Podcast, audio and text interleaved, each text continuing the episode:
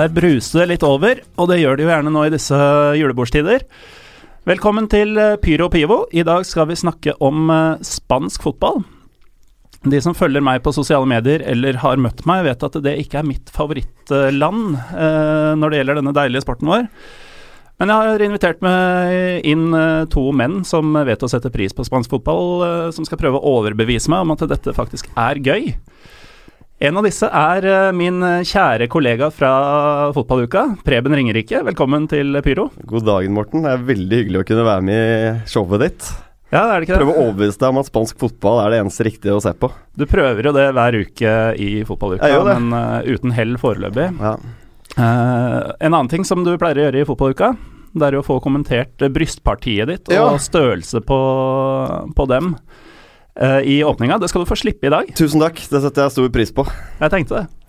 Um, hvordan uh, syns du det er å gjøre gjesteopptreden i uh, Galåsens egen pod? Det Jeg er veldig spent. Jeg gleder meg. Det er, jeg syns det er gøy å kunne snakke litt om uh, bare spansk fotball. Det får ikke vi så mye tid til i vår andre podkast. Og mitt forhold til spansk fotball Jeg har jo ikke noe favorittlag i Spania. Og det er egentlig veldig deilig å ha en sånn liga hvor man bare kan nyte god kvalitet på fotballen uten å sitte med 150 i puls eh, hele matchen.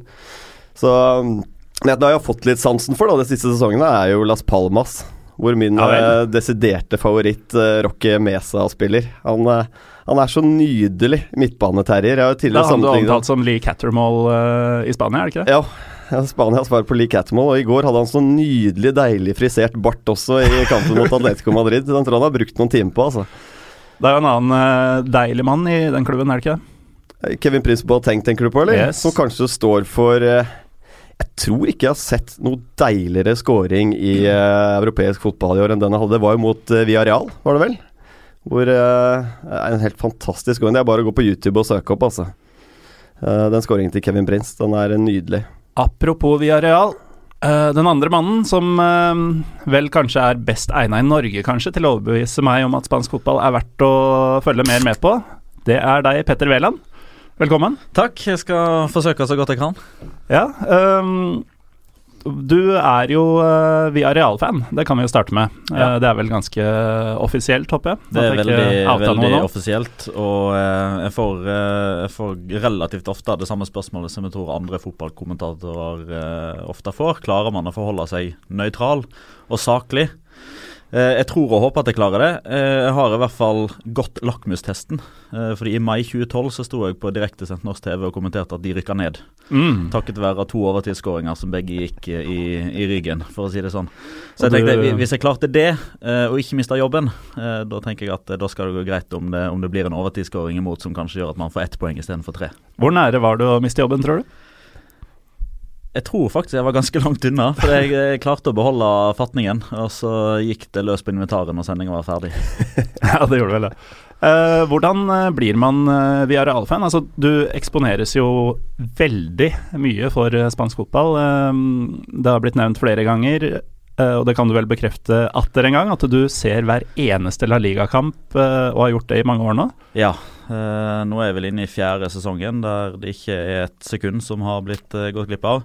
Men jeg skal jo ærlig innrømme at jeg, altså, jeg bruker ikke 90 minutter på hver eneste kamp hvis jeg er nødt til å for eksempel se noe i opptak. Mm. Eh, på fredag så hadde vi julebord. Da fikk jeg ikke sett uh, Alaves Material Betis live, men jeg så det i opptak der man gjerne spoler litt når det er innkast, og når det er bytte, så går det gjerne i uh, i fire-film. Men uh, får med meg alt som er, som er verdt å, eh, å få med seg. Det gjør jeg. Og da er det Villarreal som har stikket seg best ut. Ja, eh, men det var ikke av positive årsaker, først og fremst. Eh, grunnen til at jeg er Villarreal-supporter, det var at de i sin tid hadde så forferdelig stygge drakter. I 2001 eh, så, så vant jeg billetter til cupfinalen, den norske cupfinalen mellom eh, Bryne og Viking. Eh, fikk ha med meg en kompis. Vi gikk på Oslo City. Første gang to gutter fra Odda var i Oslo, da fikk vi beskjed om at det eneste dere må gjøre, det er å gå på Oslo City, for der er det masse fotballdrakter. på Fotballshop. Ja, korrekt. Eh, Intersport i Odda hadde to drakter, eh, så det var stort for oss å komme inn der og se på utvalget. Eh, Og På den tida så var det veldig inn med stein, saks, papir. Vi hadde stein, saks, papir. Det var liksom det som avgjorde og bestemte alt oss to imellom. Eh, Så vi fant den styggeste drakta, Viareal. Og vi fant den fineste drakta, Kievo. Stein, saks, papir om hvem som skulle ha den fineste og styggeste. Jeg tapte, og der begynte det. Ja, Ble han andre Kevo-fan? Hva sa du? Ble han andre kompisen din Kevo-fan ut av dette her? Ja, men det har ikke blitt en diagnose for han. sånn som det har blitt for meg. Nei, ikke riktig. Men var det, måtte det være gule og blå drakter for at dere skulle um, Nei, da, vi, kunne, vi kunne, velge mellom alt som var i butikken. Så den fineste og den styggeste hadde sånn noenlunde lik uh, fargekombinasjon? Ja, Kievo var mer grønn, uh, og så var det, det mer det samspillet mellom logo og eh, draktsponsor. Uh, Viareal husker de hadde glidelås i halsen her. blå krage, svært Heramitica-logo. Kelme. Det, det, Kelme, ja. ja. Og det var ikke en sånn logo som håper jeg, gikk sømløst inn i drakta. Den var liksom stempla på, sånn, så, den, så den var en halv centimeter ut fra drakta. Uh, så, men, men den henger, henger, på veggen hjemme fortsatt, det gjør den. Men uh, Villarreal, uh, altså utenom at de i sin tid hadde stygge drakter, uh, er det noe spesielt med klubben og stedet som, uh, som skiller seg ut? Ja, det er jo en underdog.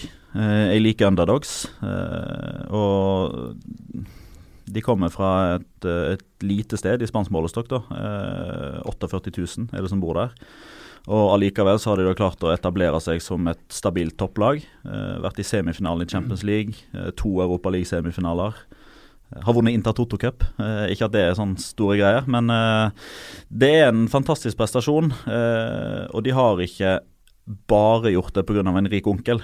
De har en president som heter Fernando Roig, som har slått seg relativt stort opp lokalt på keramikk. Eh, Parmesa, som er draktsponsor. Blir man rik sitt. på keramikk? Ja, man kan bli ganske rik. Eh, deriblant på keramikk. Han holder på med litt andre ting òg. Eh, men, men, det er en klubb som eh, av veldig mange blir sett på som et skoleeksempel på hvordan en klubb skal drives. Eh, de har null gjeld. Eh, de, de, bruker ikke penger de ikke har. De satser på unge spillere og sammensveiser det med import fra Sør-Amerika. Så det er, en, eh, det er, en, klubb som har mange fascinerende sider ved seg, og som ikke har blitt styrt i like stor grad av den såkalte moderne fotballen. De holder litt igjen på den, på den varianten. Røben, hvordan er ditt forhold til den gule ubåten via Real? Det er et lag jeg alltid har likt veldig veldig godt. Uh, tydelig at det er et eller annet med de gule draktene som tiltrekker meg også, i og med at jeg liker Las Palmas godt også. Liker du Kadis òg, eller? Nei, det har jeg ikke noe særlig forhold til. altså det har jeg ikke. Men jeg syns vi har hatt ganske mange morsomme fotballspillere opp gjennom uh, tiden. Altså Rick Helme, blant annet. Uh, den tiden han var der. Det begynner vel å bli noen år siden nå. Ja, det er vel en ti-elleve år siden. Ja, en av mine største helter. I hvert fall for en god stund tilbake. Rick Helme er sånn spiller som uh, de som liker han, har uh, nærmest sånn gudeforhold til han. Uh, mens sånne som meg da ikke noen gang skjønte greia. Syns knapt nok at han var god. Han var en temmelig gud i Villarreal, vel? Ja, både òg. altså, han er jo den beste fotballspilleren som noensinne har ikledd seg den gule drakta. Ja. Ja. toppnivået hans er det faktisk ingen som er i nærheten av. Uh, og han hadde jo et målsnitt og slo målgivende pasninger som, som, det sto ja. meget høy respekt av. Uh, samtidig så har han jo det mest uh, fatale sparket på en ball i Viareals historie. Når han brant straffespark mot Arsenal ja, i returkampen i, i, semifinalen i Champions League i 2006, var det vel. og så var det dessverre Så er det han huskes for? det, det, er det og en veldig lei avslutning på karrieren. For han ja. ble jo på mange måter uh, sparka av uh, Viareal-presidenten pga. oppførselen. Ja, riktig. Ja. Han fikk dessverre noen stjernenykker. Ja. Eh, og litt sånn tilbake Han er en typisk stjernespiller, da. Han var ikke den som ja, jobbet hardest ut på banen der. Det var mer den høyre foten og nærteknikken. Nei, på ingen måte. Så, så eh, jeg har et veldig uh, delt forhold til Rik Helme. På den ene sida så forguder jeg han, fordi han er den beste spilleren som har vært der. Men samtidig, litt sånn som jeg var inne på i stad, Viareal er en klubb som ikke uh, tillater sånne type ting. da, Så jeg er jo veldig mm. glad for at de kunne se bort ifra Ja, han er fantastisk god men han er et råttent eple i kurven. Ja. Han må bort. Det syns jeg det står litt respekt av. Ja, definitivt. Det gjør det. Men uh, tilbake til uh, spansk fotball som helhet. Uh, jeg husker godt at El Clásico gikk på TV i, på en lørdag ettermiddag for noen år siden. Samtidig så gikk Hanover 96 mot Stuttgart på Eurosport, og jeg valgte å se sistnevnte. hvorfor tar jeg feil om spansk fotball? Nei, men det betyr ikke nødvendigvis at du har feil. Ja, Nei, men, det, det... Ikke, nei, men det er jo smak og behag. Jo, men det er jo um, Det er jo uh, mer enn Barcelona, Real Madrid uh, og det spanske landslaget. Uh, tre ting som jeg forakter. Ja, ja, ja absolutt. Spansk fotball er mye mer. og det er vel kanskje en av de tingene jeg forsøker å få fram aller mest når jeg er på jobb, og når jeg sitter på Twitter f.eks. Forsøker å ha et annet fokus enn bare Real Madrid og Barcelona. Jeg tenker 90% av de som jobber med spansk fotball i verden, så er det 98% handler om de to. Eh, de siste to prosentene har de sett seg nødt til å bruke på Atletico pga. at de har vært gode de siste årene, og så bryr de seg ikke om resten. Eh, det syns jeg blir veldig feil. Eh, og veldig mange av de fine, koselige, men òg bisarre, sprø historiene kommer jo fra andre klubber, mm. andre byer, andre steder i Spania. Så akkurat den El Clásico-forakten kan jeg på mange måter forstå. Det er jo et litt sånn opprør mot de beste, de blaserte, de som tjener mest, de som kanskje overspiller og filmer mest. Jeg har forståelse for det, faktisk. Eh, samtidig så, eh, så blir vi jo nå invitert for å kunne prate om litt andre ting òg, og det setter jeg veldig pris på. Ikke sant. Eh, men eh, vi kan jo, siden vi er inne på disse største klubbene, eh, så kan vi jo ta Real Madrid, da, som har denne særstillingen sin, som eh, får lov til å gjøre nesten hva de vil, har jeg inntrykk av. Uh, og i lys av det uh, så føler jeg at det Atletico Madrid har fått til de siste årene, uh, at det på en måte det ligger mye mer enn bare at de nå har sportslig suksess. Altså det er, det er, så mye mer imponerende at de har fått til å De er fortsatt lillebror, men at de faktisk klarer å yppe seg år etter år. Hvor, hvor, stor sjanse levner du dem sånn på sikt? Altså, nå syns jeg jo de har jeg er veldig enig med deg i det du sier, at det de har gjort over, over tid nå, de siste fem årene, er meget imponerende. Og, egentlig så er femårsperioden sånn samla sett mer imponerende enn det enkelttilfellet der de tok gull i 2013-2014. For én ting er å ha én sesong der alt flyter. Se på Leicester. Ja, se hvor de var eh, for eh, fem måneder siden, og se hvor de er nå. De har ikke klart å opprettholde og gjenskape den suksessen som Atletico Madrid klarte. Så nå går de jo inn i en fase der de skal over på ny stadion sommeren 2017, eh, som gjør at de får alle inntekter sjøl. Det er ikke noe kommunalt eid. Eh, litt sånn som italienske klubber har slitt litt med. Forfalt stadion, ser ut som en betongmur, eh, mm, mm. Og, eh, og, halvparten av inntektene går til kommunen. Nå får de stå helt på egne bein. Eh, Diego Simione har jo kommet inn først og fremst og, og, som en trener og forandra måten de har spilt på, eh, spillerlogistikk osv., men han har egentlig bare rivd opp alle røttene som er mulig å rive opp, gjort at de tenker annerledes både i sosial profil, eh, marketing, spillersalg, spillerkjøp, eh, talentutvikling. Har kommet inn og endra på absolutt alt. Og det fundamentet ser så sterkt og solid ut, eh, som, som gjør at med mindre de underpresterer, så kommer de til å uh, fortsette å være i, i medaljekamp uh, i forkant av alle sesonger i overskuelig framtid, tror jeg. Så godt er det fundamentet. Men det blir jo spennende den dagen Simione gir seg. Ja. Den dagen nærmer seg jo. Hva skjer ja, videre da? Altså, det. det. er vanskelig da å, å, opprettholde det samme. Det kan jo fort få en liten knekk på et par-tre sesonger hvor de på en måte må bygge litt på nytt igjen. En ny spillestil, hvem vet. Ja, det, så det er en utfordring det er ja, ja. når den dagen kommer. Absolutt. Den, eh, den første dagen med Atletico eh, uten Simione, jeg eh, er ganske sikker på at den kom 1.7.2018. Ja, det ligger litt i kortene det, altså. Men det er flere lag i Spania som vi er inne på. Altså, vi har snakket litt om Villarreal også, som holder et veldig veldig høyt nivå. Vi ser det jo i Europacupene hvert år, hvordan de dominerer mm. de spanske lagene i Europaligaen også. Sevilla, eh, Real Sociedad. Gode fotballag, altså. Jeg syns kanskje bunnivået på de spanske lagene har blitt stadig høyere de siste årene. da. Mm. Syns det er litt sånn lenger mellom de 8-0-matchene til Real Madrid og Barcelona nå enn det kanskje var bare for fem-seks år siden. At ja. de litt svakere lagene har blitt veldig, veldig bra. Ja, det så det jobber, virker som det jobbes godt da, i, det i jobbes godt, og så ser man òg litt uh, effekten av den nye TV-avtalen. Ja. Som gjør at uh, skillet økonomisk mellom de som får mest, altså Real Madrid og Barcelona, og de som får minst, ja. type Levante, Eibar, Alaves osv forskjellene der i prosent er mindre, og inntektene ikke minst er mye større nå for, eh, for de mindre klubbene, som gjør at det er fortsatt store omveltninger. Eh, ja. Altså, eh, Leganes har 17 mann i A-troppen nå, og resten er leid inn eller henta gratis etc. Og de de lever eh, i hermetegner fra hånd til munn. Ja. Eh, de betaler lønninger, eh, og det er så vidt at de klarer det. Ja. Men for, for, tre sesonger siden for eksempel, så måtte de ha leid inn 18-19 mann, og egentlig bare vært en, en sånn leiesoldatklubb som hadde vært der i et år. Mm. Så, så, på sikt så, så, ser det ganske bra ut. og det Og det, men i og med at du nevner 8-0, Ja. Uh, så er det én ting som uh, må fram på bordet. Du vet det sikkert. Litt usikker på om du tenker like mye på det. Innbyrdes Ja. oppgjør. Mm, Ja. uh, fordi jeg får veldig ofte eh, en, en servert en påstand om at de spanske bunnlagene er meget, meget svake. Eh, relativt jevnlig så blir de sammenligna med tippeligamotstand. Her eh, aner jeg at du skal komme med et forsvar av de svakere lagene i ligaen. Jeg skal ikke nødvendigvis komme med et forsvar mot de, men jeg skal forklare hvorfor det så ofte blir 5-0, 6-0 etc. når de lagene gjester eh, Santiago Bernabeu og Camp Nou, og de siste årene òg litt Vicente Calderón. Det er pga. at eh, ved eventuell poenglikhet i Spania så er det innbyrdes oppgjør som teller, og ikke målforskjell.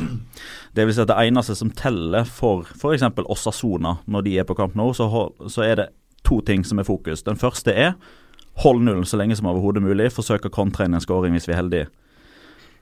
Punkt nummer to når, eller hvis, Barcelona går opp i 2-0, spar krefter. Tenk neste kamp Mm. umiddelbart. For her tar vi null poeng. enkelt og greit. Her kommer vi ikke tilbake igjen. Neste helg så kommer det en kamp som er langt viktigere. Da har vi langt større mulighet til å ta poeng.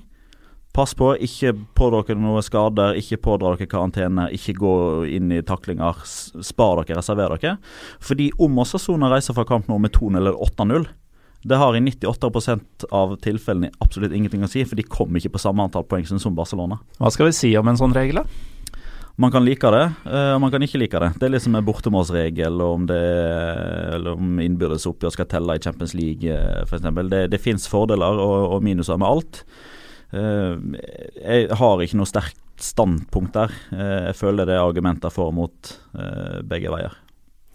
Men et lag jeg venter litt på, er, som skal komme opp nå, er Valencia, som har vært nede i en ganske dyp Har du god tid, eller?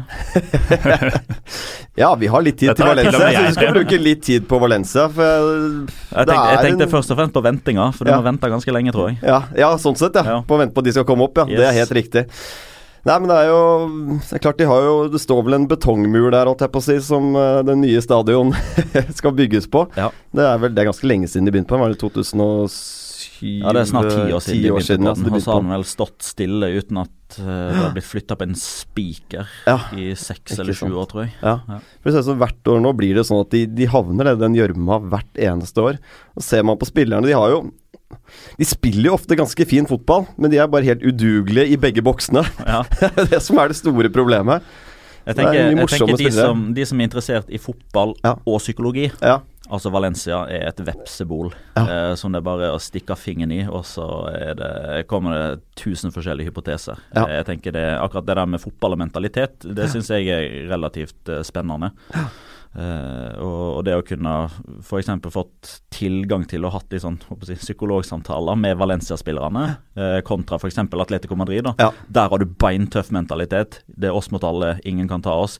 Og Valencia så er det sånn Ja, vil du ha lommeboka mi? Vær så god. Ja. Altså, det er så skjørt. ja. Hvorfor har den kulturen fått eh, vokse fram i Valencia? For det har jo ikke alltid vært sånn. Nei, uh, godt spørsmål. Uh, det er en kombinasjon av veldig mange ting. Uh, det er det økonomiske perspektivet, eh, der Atletico Madrid har klart å bygge fundament og fått faste, jevne inntekter inn. vært flinke til å selge spillere og handle inn relativt billig. Uh, har gjort at uh, kvaliteten på spillerstallen har blitt veldig mye bedre i Atletico Madrid, mens i Valencia så har den vært litt på, på stedet hvil. Eh, samtidig så er det jo en eierstruktur og gjeld uh, og, og sånne type ting som spiller veldig mye inn. Det har vært veldig mange forskjellige presidenter da, de siste årene. Og hver eneste president som kommer inn, skal ordne i absolutt alt samtidig, istedenfor å ta ting steg for steg. Uh, som gjør at hver eneste gang det blir en endring der, så skal absolutt alt endres på. Eh, da skal du ha en ny trener, du skal ha en ny sportsdirektør. De to skal gjerne ha sitt og si om spillerstallen, som gjør at det er 18 mann ut og 19 mann inn i løpet av en sommer og vinter. Eh, og Så har du det, det psykologiske aspektet med en enormt kravstor supportergruppering, eh, som fortsatt i egne øyne mener at de er kommer til å være, har vært, den, den tredje største klubben i, i La Liga. Så forventningene ligger deretter. Um, så det, det er et sammensurium av, uh, av veldig mye forskjellig, som, som nå har nådd sitt foreløpige bunnpunkt med at det eneste som gjør at de ikke feirer jul uh, som nedrykkslag, det er at det er rett og slett bare tre lag som er enda dårligere. ja, det er riktig, det. Altså. det er. Men fra um, arguably eh, det tredje største laget i Spania, så er det jo en eh, rekke interessante klubber som er adskillig mindre. Jeg føler at vi kan ikke ha en Pyro Pivo om Spania uten å komme innom Eibar, f.eks. Mm.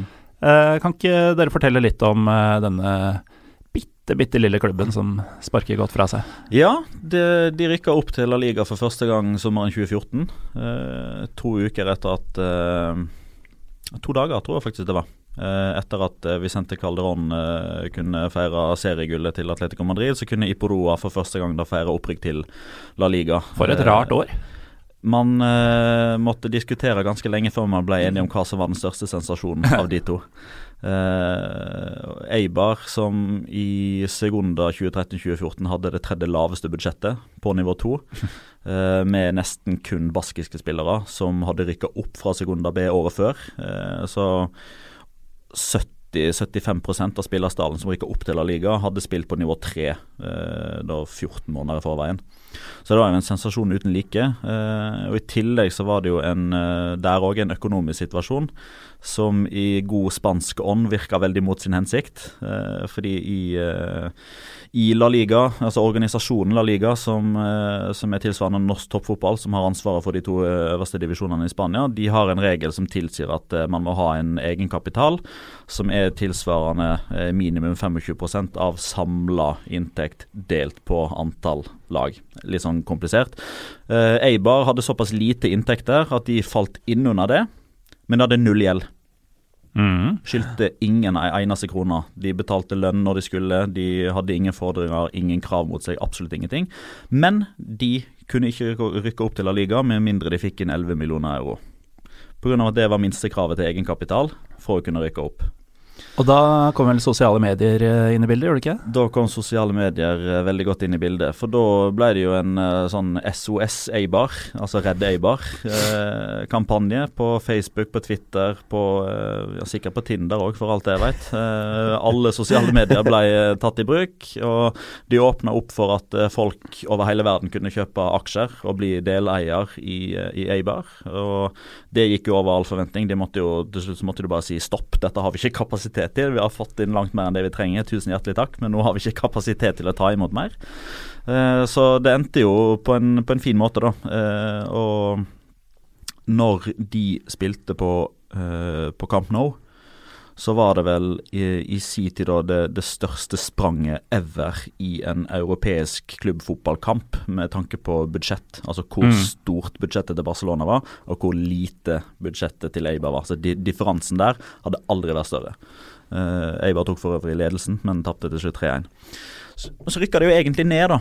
De, de starta jo fantastisk bra på, på høsten. der, Gjorde det bedre enn en alle trodde. Men så vant de én av de siste 20 seriekampene og ble nummer 18 når ligaen var ferdig. Men i god spansk ånd så eh, måtte Elche rykke ned istedenfor pga. økonomisk trøbbel. Så, og da hadde jo eh, Gaitka Gaditano, som da hadde rykka opp fra Segunda B til Segunda, og fra Segunda til La Liga, og holdt de til en egentlig sensasjonell 18.-plass. De skulle jo ha vært tabelljumbo med kanskje 10 poeng på 38 kamper. Han trakk seg fordi de rykka ned. Eh, veldig mange av spillerne hadde nedrykksklausul i kontrakten sin, så de forsvant. Så når eh, denne avgjørelsen kom eh, 6. juli eller noe sånt, så hadde de jo knapt spillere, og skulle spille første seriekamp i La Liga om halvannen måned. Eh, så det er en klubb som, eh, som veit å komme seg ut av kinkige situasjoner, og som, som fortsatt er et eventyr, til tross for at de nå er godt inn i sin tredje sesong. Og en fantastisk sta stadion, i hvert fall beliggenheten, eh, nede i Ja. dalen her. Ja, eh, jeg var der for første gang i Jeg lurer på om det var oktober 2014. Da spilte de mot Viareal. Eh, tilfeldig at det var Viareal som spilte da, for da, da tok vi en, en roadtrip i Baskaland. Da var det i San Sebastian på tirsdag, Eibar på onsdag og Bilbao på torsdag. Midtukerunde. Og vi tok bussen fra eh, Bilbao, der vi hadde oppholdssted i løpet av den turen. Tok, eh, tok bussen til Eibar eh, og ga liksom beskjed til bussjåføren. Det er første gang vi er her, så bare gir du beskjed når vi er i Eibar. Altså har dere sånn neste stopp er Eibar, f.eks.? Eh, For hvis du blunker, så går du glipp av Eibar, gjør du ikke? ja, det er nettopp det. Eh, og bussen stopper i Eibar. Eh, vi sitter fast i setet vårt. Har ikke tenkt å gå ut, for dette, dette kan jo ikke være Eibar, tenkte vi. Eh, og da hadde vi jo allerede jobba litt sånn mentalt med at Eibar er veldig lite. Må passe på at vi ikke sitter på med bussen for langt. Og så sier eh, bussjåføren at eh, det er et par nordmenn som sitter på bussen dere skulle av i Eibar. Dette er Eibar. da lo vi godt når vi gikk ut, da. Eh, og da gikk vi av nederst i sentrum. For, det, for, byen ligger jo i et dalsøkke. Det er fjell på, på, alle fire sider. Så går motorveien helt øverst eh, på fjellet der, og så ligger byen liksom nedenfor motorveien der. Hvis du starter nederst i, eh, i sentrum og skal opp til eh, Iporoa, eh, så kan du faktisk eh, stå eh, i rulletrapp.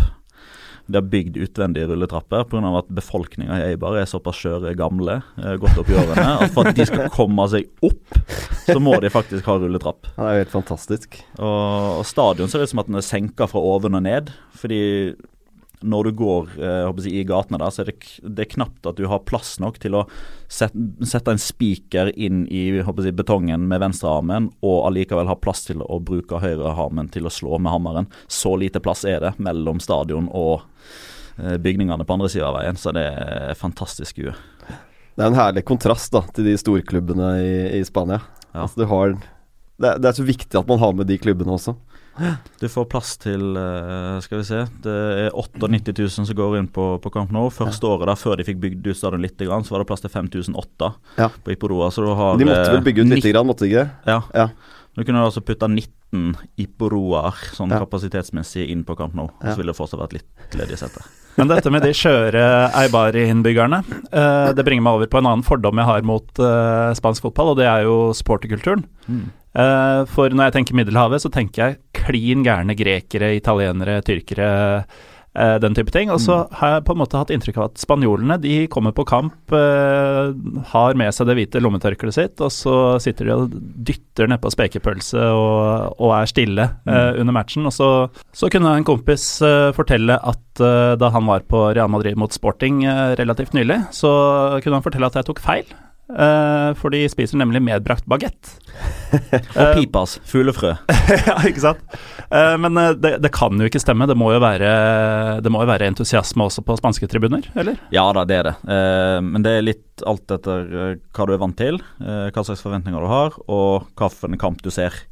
Real Madrid Sporting Rijon, turistfella. Ja, men han den, sa også at det, det, var ikke så mye av den derre Eh, nordmann, eh, med fotoapparat eh, der, som han hadde forventa. Han ble faktisk positivt overraska over mangelen på turisme. Ja, ok. Ja, det er godt mulig.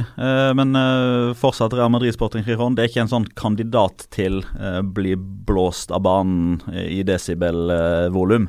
Det er det ikke. Pga. at det er en type kamp som alle forventer at Real Madrid skal vinne. Det er ikke noe, er ikke noe supporterkultur for bortelag. Veldig få som reiser rundt om og, og følger laget sitt.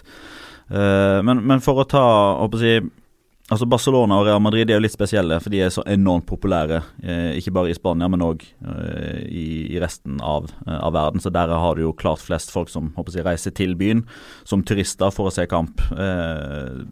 Ikke sånn som på f.eks. Anfield og Old Trafford, der man gjerne syns at det har gått for langt. Eh, at de lokale har ikke råd til å kjøpe billetter osv.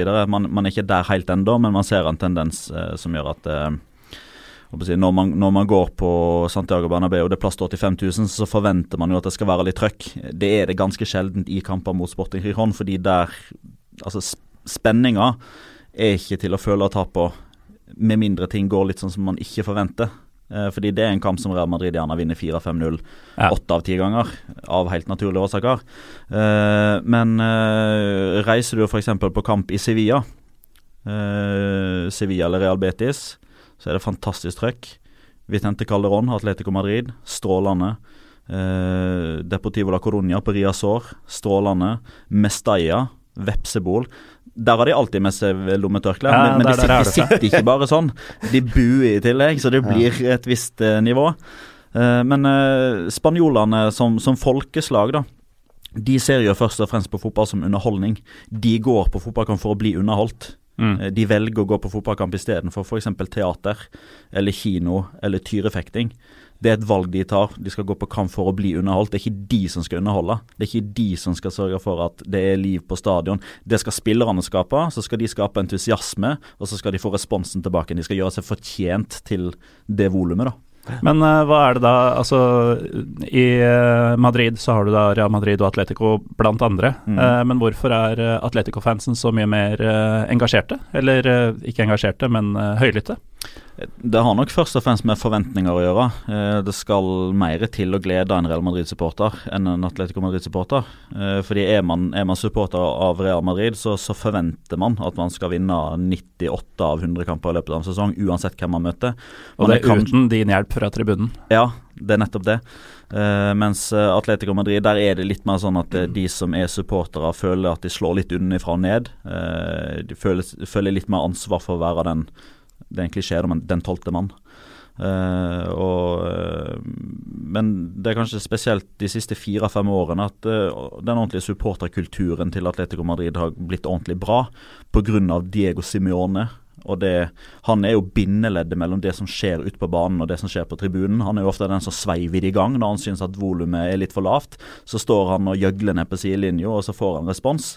Mens uh, f.eks. Zinedine Zidane han gjør jo aldri det. Uh, Benitez gjorde det aldri, Angelotti gjorde det aldri, Mourinho gjorde det aldri.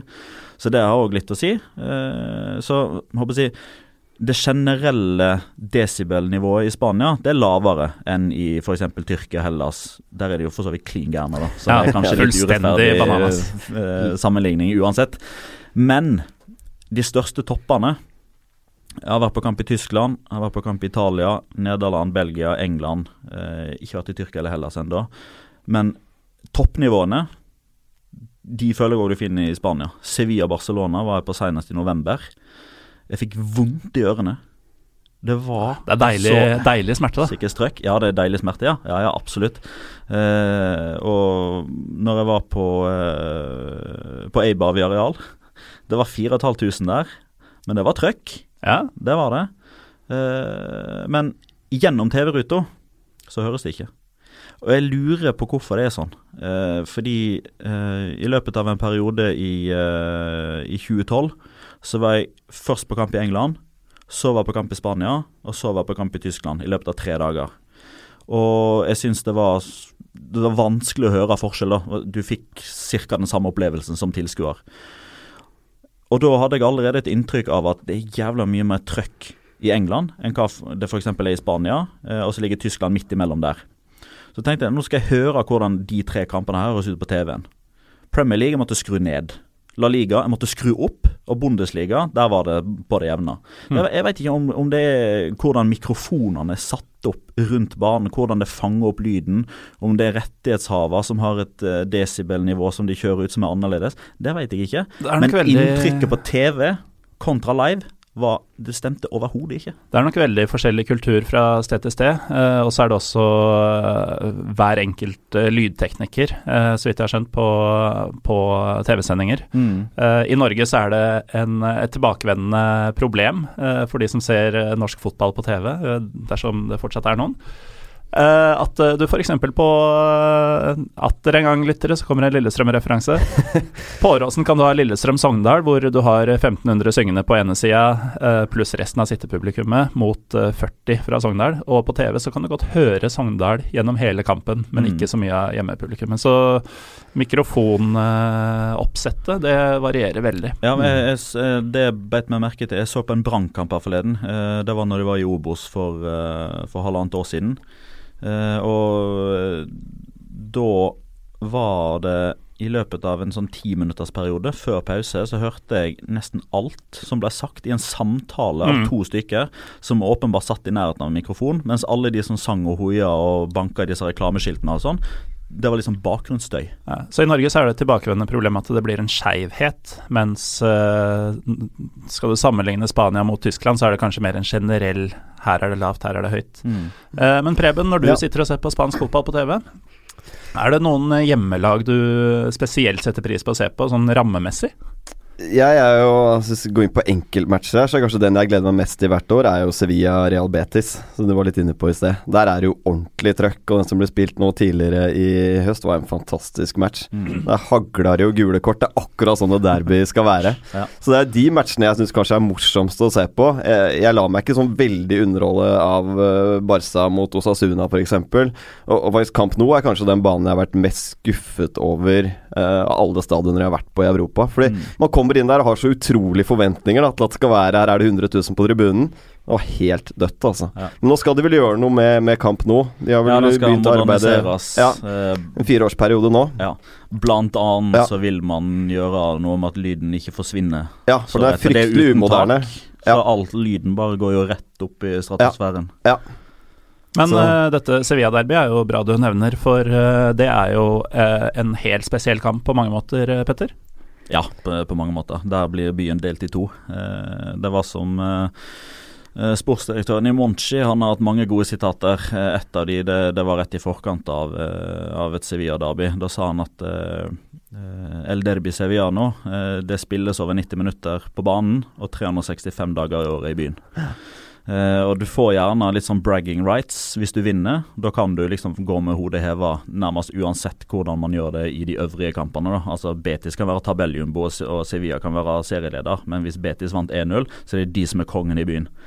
så de har en sånn uh, De har et veldig snevert fokus på akkurat de kampene der, for det er det eneste som betyr noe. Uh, samtidig så har jo den, den hatske, intense stemninga har kanskje avtatt litt de siste årene. Eh, og det har med jeg, tragiske dødsfall å gjøre. Eh, I august 2007 eh, så gikk Antonio Puerta bort etter hjerteinfarkt, og et år etterpå så var det Mickey Roquet, eh, en, en BT-spiller, som òg måtte eh, gi tapt etter å ha fått hjerteinfarkt på banen. Eh, og den jeg, solidariteten og det jeg, båndet som ble knytta mellom de to lags supportere, eh, den har gjort at de jeg, Tumultene er det færre av. Det er færre voldsepisoder. Eh, etter forrige, mm, forrige kamp i, i Sevilla nå i september, så hadde politiet null arrestasjoner for første gang på tolv år. Mm. Og da gikk kampen for tomme tribuner for tolv år siden. Så det var grunnen til at var null da. Eh, ellers så har de jo hatt noen sånne småstygge episoder med whiskyflasker som har blitt kasta i hodet på Juan de Ramos, eh, og Mm. kamp som har blitt avbrutt eh, osv. Så, videre. så Så heldigvis er man forbi det stadiet der. Men i løpet av de 90 minuttene så er det kun én ting som står i hodet på alle Sevilla- og Betu-supporterne. Og akkurat i de tilfellene så skiller det seg jo veldig fra den eh, Real Madrid Sporting Crijon-kulturen der man sitter med pipas og gjerne hører på radio i tillegg for å høre om det var straffe eller om det, Det var offside. Altså, der har ikke de lov til å ha med seg radio inn, for der er det, der er det 90 minutter fokus på det som skjer ute på banen. Generelt sett så er det jo ikke lov å ha med radio inn på fotballkamp. uh, men uh, det er uh, også litt sammenlignbart med Istanbul, faktisk. Hvor det for nå tre og et halvt år siden var store opptøyer mot uh, regjeringa, som varte i ukevis.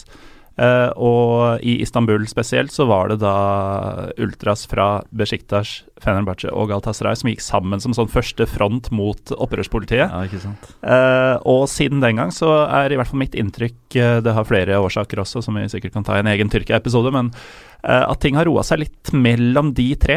Og at eh, nå er f.eks. Fenerbahçes argeste rival Trabzonspor fra en helt annen del av landet.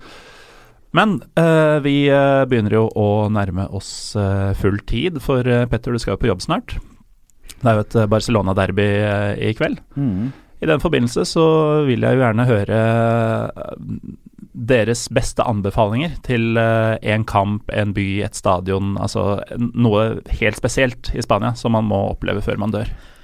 Altså Vi har jo vært inne på det. Sevilla Betis, eh, eventuelt Betis Sevilla. Eh, det framstår jo som eh, jeg det ypperste hvis man ikke er glad i f.eks. El Clásico. Gjør det noen forskjell hvem som spiller hjemme der? Nei. Nei. Det gjør det ikke. Det er like gale-Mathias uansett. Eh, men det er klart, må jeg anbefale en av de, gå på Ramón Sánchez Pizjuan for å få med Sevilla-hymnen eh, i forkant. Eh, etter min mening den flotteste klubbhymnen som fins. Så må man jo besøke Eibar. Det er jo sånn eh, Det er jo for så vidt en bucketlist-ting, det òg, men det er fordi det er så sykt lite, istedenfor at det er så sykt stort, som gjerne er et annet kriterium for å komme på en sånn type liste. Men hvor stort er det baskiske området? Fordi denne roadtrippen din, eh, den eh, låt veldig fristende. Eh, Ja, altså- hvor mye kan man få med seg i løpet av en lang helg, f.eks.? Altså, Da er man jo litt sånn eh, prisgitt hvem som spiller hjemme borte. Eh, men drar man f.eks. ned i, i, midten av april, når det er midtukerunde i tillegg, hvis man er heldig med serieoppsettet da, så kan man fra onsdag til søndag få se kamp i både Vitoria, Navarra, eh, altså Pamplona, Bilbao, San Sebastian og Eibar. Og det er fem lag fra Baskaland, eh, alt etter som man anser eh, Pamplona og Vitoria som en del av Baskaland, Baskaland. Men uh, det er absolutt en, uh, en, tur som er verdt å anbefale. Og da er det, jo, da er det bare noen timer kjøre, kjøretur til Rijon òg, hvis man vil ha en, uh, en sjette stadion å besøke. Så mm. Nord-Spania med Baskeland generelt det er òg å anbefale. Og det sies også at maten i San Sebastian er av topp, topp europeisk klasse. Ja. Ligger vel Michelin-restaurantene på rekke og rad, gjør det ikke det? Der ligger de på rekke og rad. Og ja, Pinchos i San Sebastian, det er òg å anbefale. Hva med deg, Preben? Har vi nå nevnt alt du ville nevne? Ja, altså Betis Sevilla er jo det, kanskje det oppgjøret, det har vi jo nevnt mange ganger nå. Men også Mestalla. Uh, de gangene jeg ser matcher derfra, så virker det som det er kjempetrøkk. Uh, aldri fått vært der selv, men det er en uh, stadion jeg har lyst til å oppleve. Samme egentlig med Hvis man er litt kjapp i avtrekkeren, få med seg Vicente Calderón også. Da må man ja, skynde seg. Den, blir jo jevna med jorda i, i slutten av juni. Da, ja, så. så. da må man være litt kjappe der. Men ja, da eh, nærmer vi oss slutten på denne episoden. Eh, eh, nei, vi må ta én ting til, eh, siden vi har vært såpass mye innom Baskeland, men ikke nevnt eh, Atletic. Uh, denne innkjøpspolicyen deres med kun spillere av baskisk opphav. Mm. Hvor stiller vi oss til det? Altså, De er på en måte en klubb som eh, ofte blir litt hylla og godt likt pga. dette, men er det ikke egentlig en litt sånn halvrasistisk og ekskluderende kultur? Jo, det er òg en annen måte å se det på. Eh, samtidig så er det jo det er jo ikke en folkerett å få spille fotball. Det er ikke en folkerett å få betalt for å spille fotball. Det er ikke en folkerett i hvert fall ikke å spille for Atletic Klubb.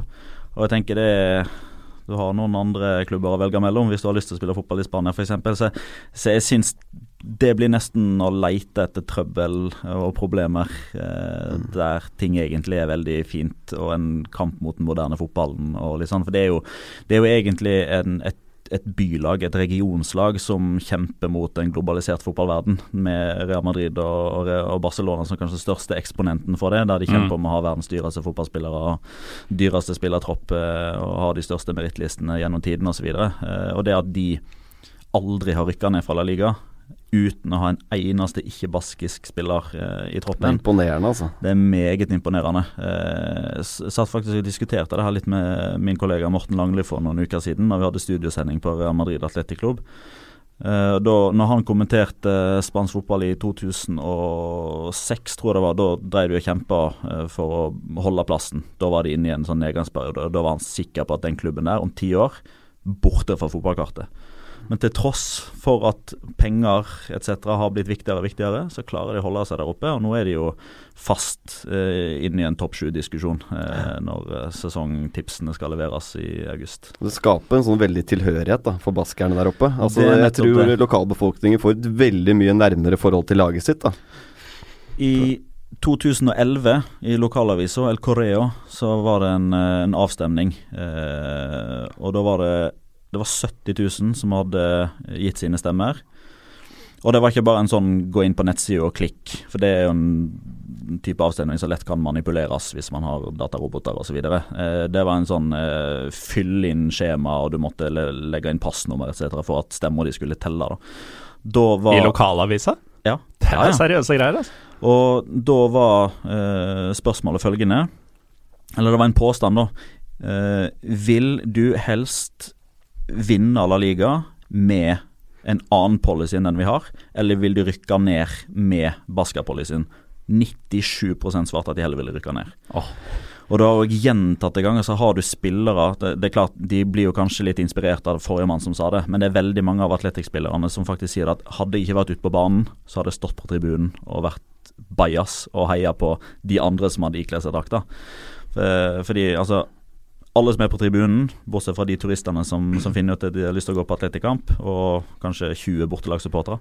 Eh, alle er fra Baskaland. Alle er baskere, alle er fra Bilbao. Kanskje er det noen fra San Sebastian, kanskje er det noen fra Eibar, kanskje er det noen fra Amoribieta etc. Men absolutt alle er baskere. Det er noe lokalt, og det er egentlig veldig fint når resten av fotballen har blitt så globalisert.